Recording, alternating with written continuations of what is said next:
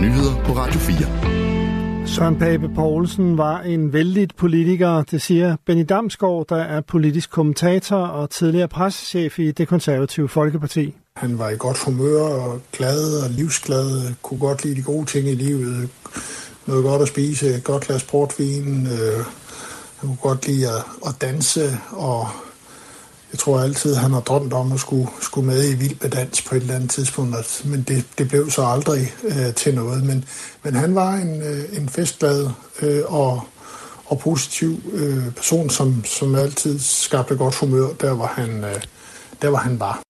Den konservative partileder blev fredag ramt af en hjerneblødning. Hans liv stod ikke til at redde, og i går afgik han ved døden i en alder af 52 år. Også når Søren Pape Poulsen mødte folk på gaden, hvor han afholdt, fortæller Benny Damsgaard. Jamen, han havde sådan en umiddelbar evne til at gå ind i folk med træsko på, eller man skal sige, han, han var, øh, han havde, han havde nemt med, med at, at tale med folk og snakke med folk, og det, øh, det gjorde bare, at, at det var nemt for ham at, at stå nede på gaden og, og, og tale med, med mennesker. Flere af Søren Pape Poulsens partifælder skrev i aften som deres formand, Asbjørn Møller fortæller. Mona Jul, nyudnævnt gruppeformand for de konservatives folketingsgruppe, tager i et opslag på det sociale medie X afsked med Søren Pape Poulsen. Jeg er rystet, chokeret og frygtelig ked af det, og vred, fordi det forekommer så meningsløst, fordi Søren fortjente så meget bedre, skriver Mona Jul blandt andet. Søren Pape Poulsens partifælle Rasmus Jarlov skriver også på X, at tårerne triller. Da jeg sidst talte med Søren, var min sidste ord, at han virkelig skulle passe godt på sig selv. Ikke som floskel, men fordi han havde været så meget igennem. Jarlov skriver videre, at han næsten dagligt har talt med Søren Pape Poulsen siden 2015. Han var en god chef og et virkelig godt menneske. Jeg vil savne ham enormt. Farvel, min ven. Den konservative politiker Mette Abelgaard har på Facebook skrevet et opslag om Søren Pape Poulsen. Han var i gang med det, han elskede allermest. Han talte politik med kæmpe engagement og store armbevægelser. Den Søren, vi kendte og elskede. Søren Pape Poulsen stød vækker eftertanke om et hårdt politisk miljø, siger udenrigsminister Lars Løkke Rasmussen. Søren Pape var et blødt menneske og en hård fighter i en person, siger udenrigsministeren til TV2. Jeg kan ikke slippe tanken om, at det her på en eller anden måde er et sammenstød mellem et for hårdt politisk miljø og et, øh, et blødt og venligt menneske. Ikke? Lars Lykke siger, at han har en kæmpe respekt for, at Søren Pape ikke kastede handsken i ringen, men holdt ved. Og så kan man drage to lektier af det. Enten, at der ikke er plads til bløde, venlige mennesker i politik. Øh, det synes jeg vil være ærgerligt. Eller at der er noget i det hårde politiske miljø, man skulle justere.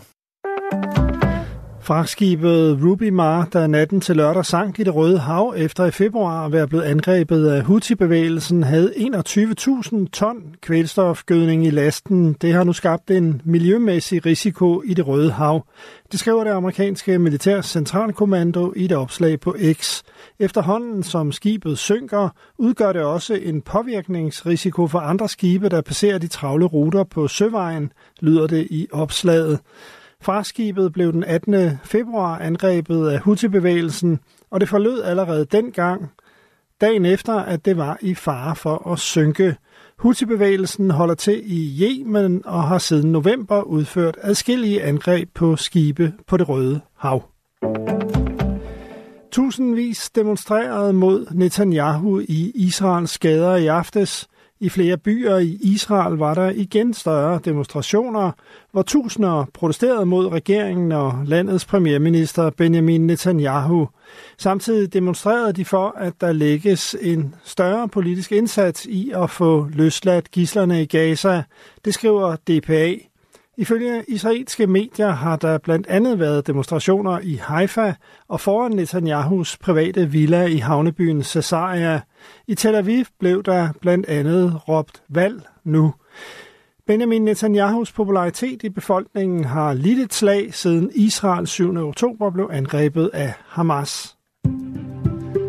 I løbet af dagen nogen opklaring, men fortsat lokalt tåge og regn 4 til 9 grader og svag til jævn vind omkring øst. Det var nyhederne på Radio 4 i studiet Henrik Møring. Nu sender Radio 4 det sidste måltid, hvor Søren Pape Poulsen var gæst for små fire år siden i april